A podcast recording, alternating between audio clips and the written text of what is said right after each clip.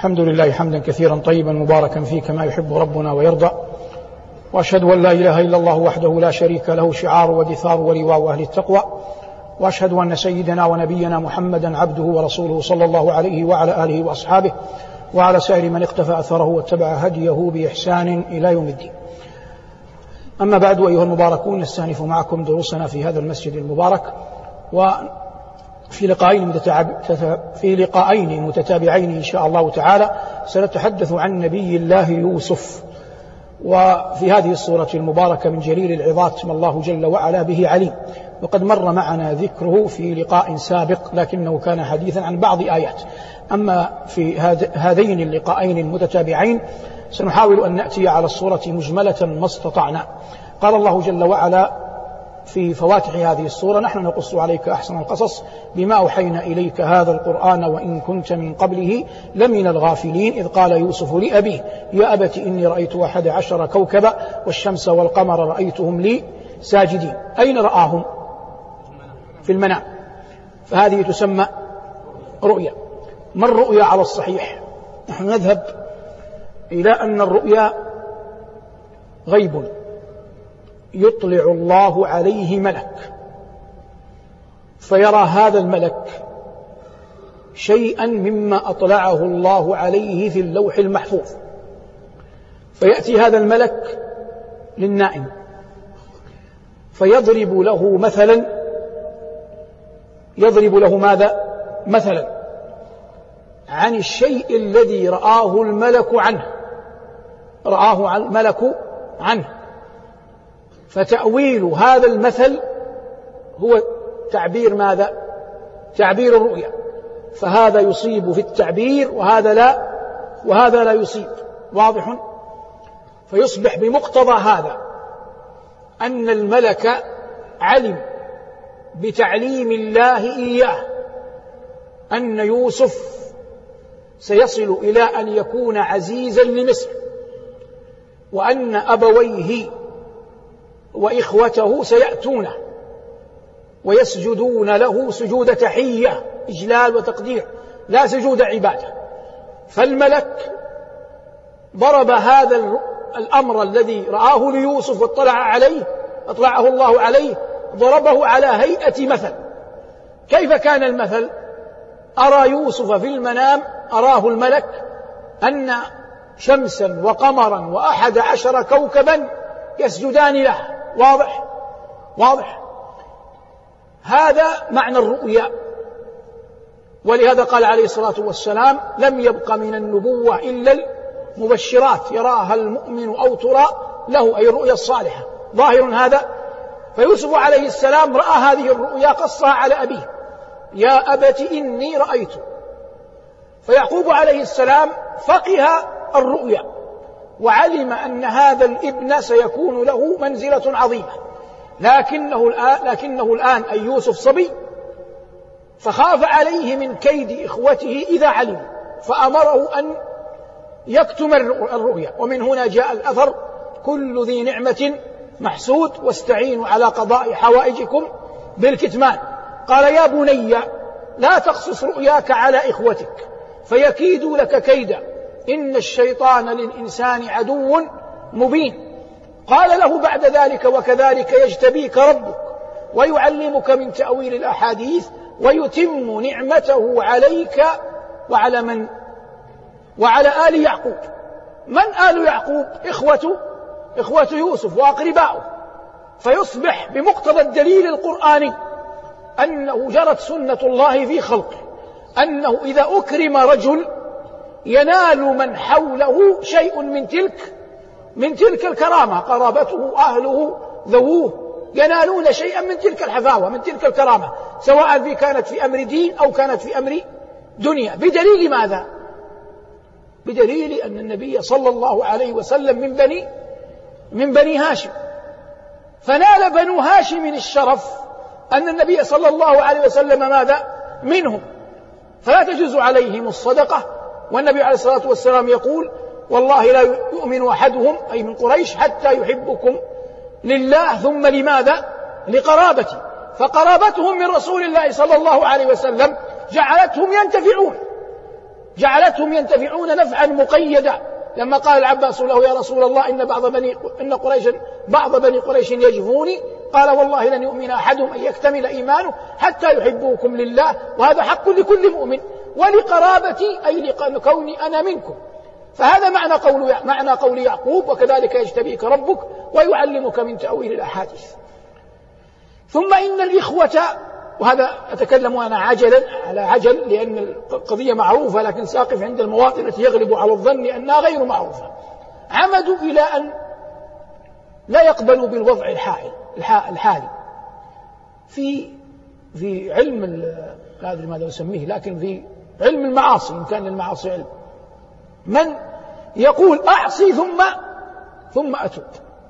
فلنقل من نزغات الشيطان أن يأتي للإنسان ويقول أعصي ثم أتوب. هم ماذا قالوا؟ قالوا اقتلوا يوسف أو اطرحوه أرضا.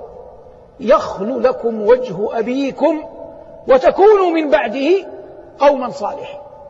يخل لكم وجه أبيكم وتكونوا من بعده قوما صالحين وهذا مما يستزل به الشيطان بعض بني آدم. يقول أنت الآن شاب ثم تب إلى الله. أنت الآن اختلس ثم تب وابني مسجد. أنت الآن افعل ثم تب وغير طريقتك.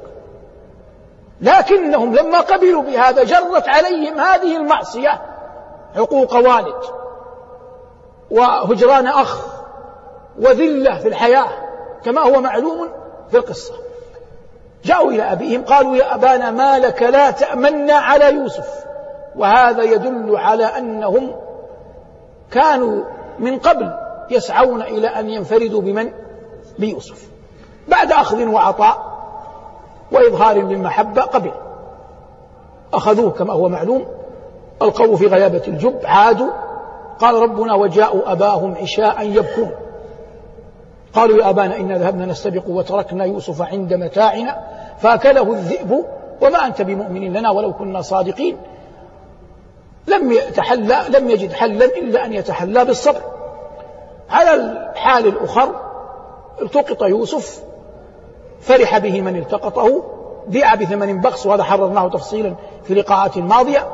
ثم آل به الأمر عليه السلام إلى أن يدخل قصر عزيز عزيز مصر.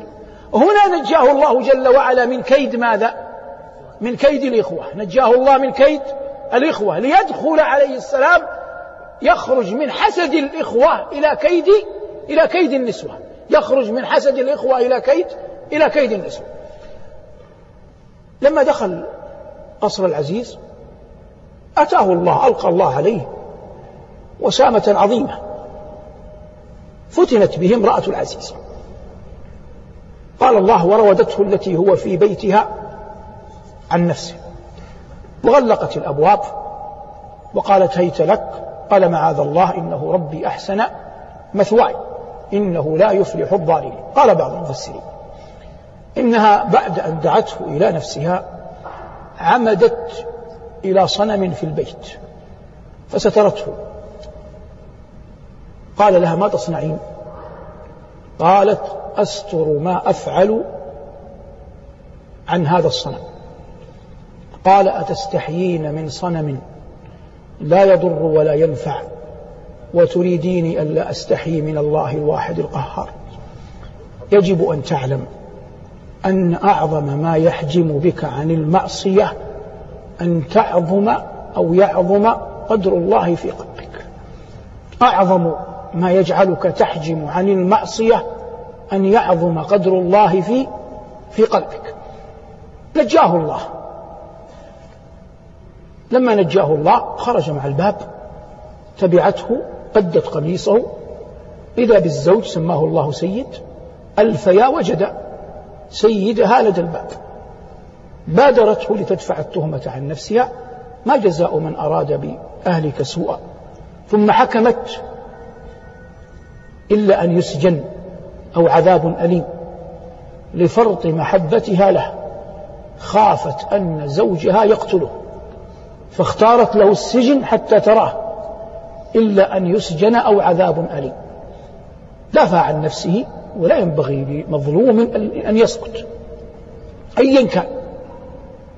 قال هي راودتني عن نفسي. وشهد شاهد من أهلها إن كان قميصه قد من قبل. صدقت وهو من الكاذبين وإن كان قميصه قد من دبر فكذبت وهو من الصادقين. تبين لهم أنه صادق حاولوا أن يطووا القضية. قال ربنا في أسلوب قرآني عظيم ثم بدا لهم. من بعد ما رأوا الآيات الدالة على صدقه ليسجننه حتى حتى حين حتى ينتهي الناس. فسامع النسوة بما كان من نبي الله يوسف بما كان من امرأة العزيز ومن ومن غلامها. أخذنا يلمزنها ويعرضن لها بالحديث فجمعتهن. هم أو هن أي النسوة لم يكن يقدحن في أنها تعلقت برجل لكن يعجبون كيف تتعلق بغلام يخدمها فهي امرأة العزيز من طبقة عالية. لكن كيف تتعلق بغلام يخدمها؟ هذا الذي استنكروه. لما استنكروه وكيد النساء سماه الله عظيم أو سماه الله في كتابه عظيم على لسان العزيز. جمعتهن أتت لهن متكأ أتت كل واحدة منهن سكينة كما هو ظاهر القرآن دخل عليهن. قال ربنا فلما رأينه أكبرنا وقطعن أيديهن وقلنا حاشا لله ما هذا بشرا إن هذا إلا ملك كريم. قالت فذلكن الذي لمتنني فيه. وقصت.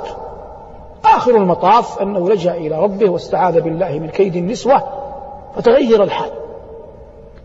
عاد لا إلى الجب بل إلى السجن. كان في كان في والده معظما. ثم بعد ذلك انتقل إلى الجب. خرج من الجب إلى بيت العزيز معظما. ثم انتقل من البيت العزيز الذي عظم فيه إلى إلى السجن. مر معنا كيف دخل السجن وكيف عبر الرؤيا. خرج الساقي الذي أخبره يوسف أن غالب ظنه أنه سينجو. أصبح الساقي هذا مقربا عند الملك. يكتب الله أن الملك يرى الرؤيا. يقصها على من حوله. والله لو كان الذين حوله أعلم أهل الأرض لما أجابوا حتى ماذا؟ يمضي قدر الله. بل لم يحسنوا حتى الخطاب. قالوا أضغاث أحلام وما نحن بتأويل الأحلام بعالمين حتى لا يبقى الملك متعلقا بهم طرفة عين. الملك لا يعرف الله ولا يعرف يوسف. كان كافرا. تكلم الساقي قبل الملك بعث الساقي إلى من؟ إلى يوسف. دخل الساقي على يوسف. يوسف عند غير الساقي السجين. لكن عند الساقي الصديق. لأن هذا الساقي أكبر دلالة على أنه حر بمعنى الكلمة. ما معنى حر بمعنى الكلمة؟ الذي يسوقه علمه وليس رأي الناس. الذي يسوقه ماذا؟ علمه وليس رأي الناس. وإلا ما رأي الناس؟ ما رأي السلطان؟ ما الرأي العام؟ في يوسف سجين. لكن الساقي لم يقبل هذا كله.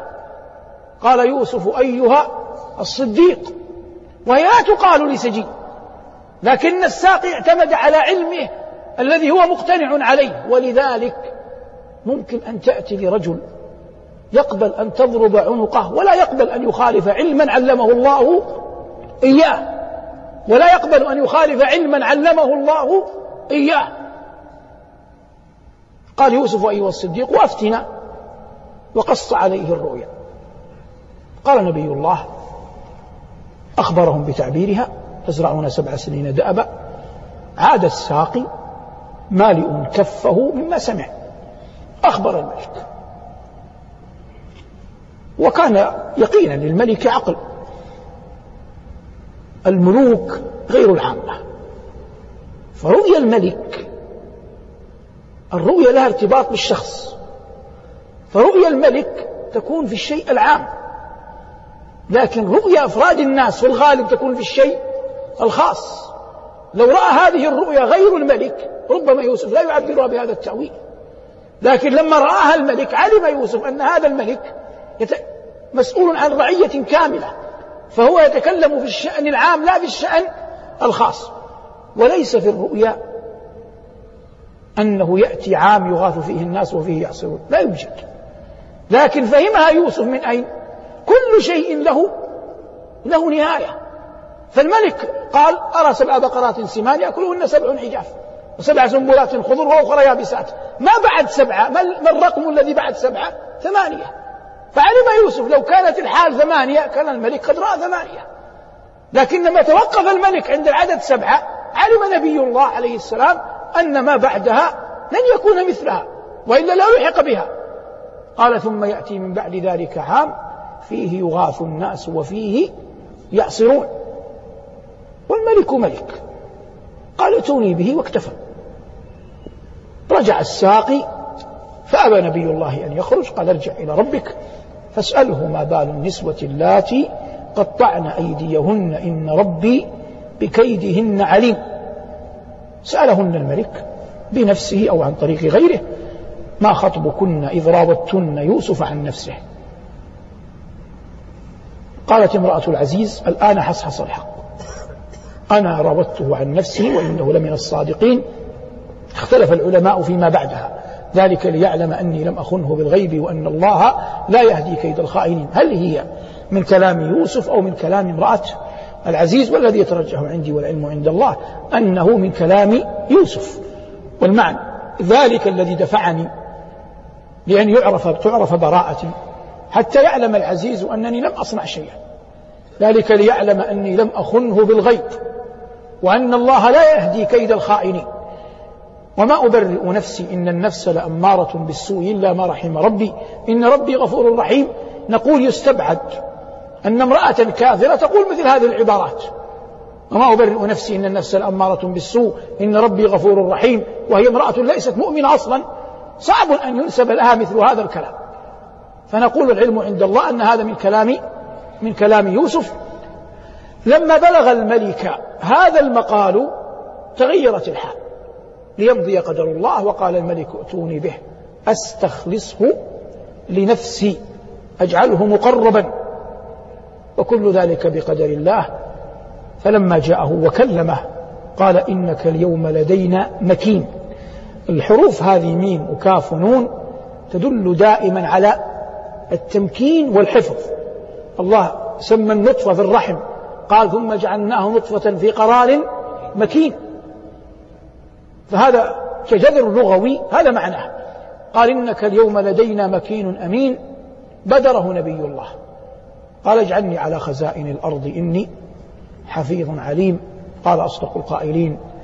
وكذلك مكنا ليوسف. من الذي مكن له؟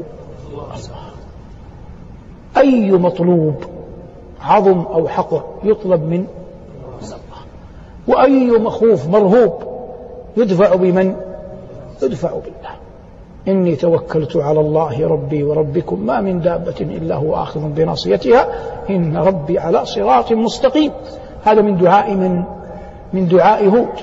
إني توكلت على الله ربي وربكم ما من دابة إلا هو آخذ بناصيتها. إن ربي على صراط مستقيم. اللهم اجعلنا برحمتك ممن توكل عليك فكفيته وصلى الله على محمد وآله ونتابع في اللقاء القادم والحمد لله رب العالمين. إن شاء الله.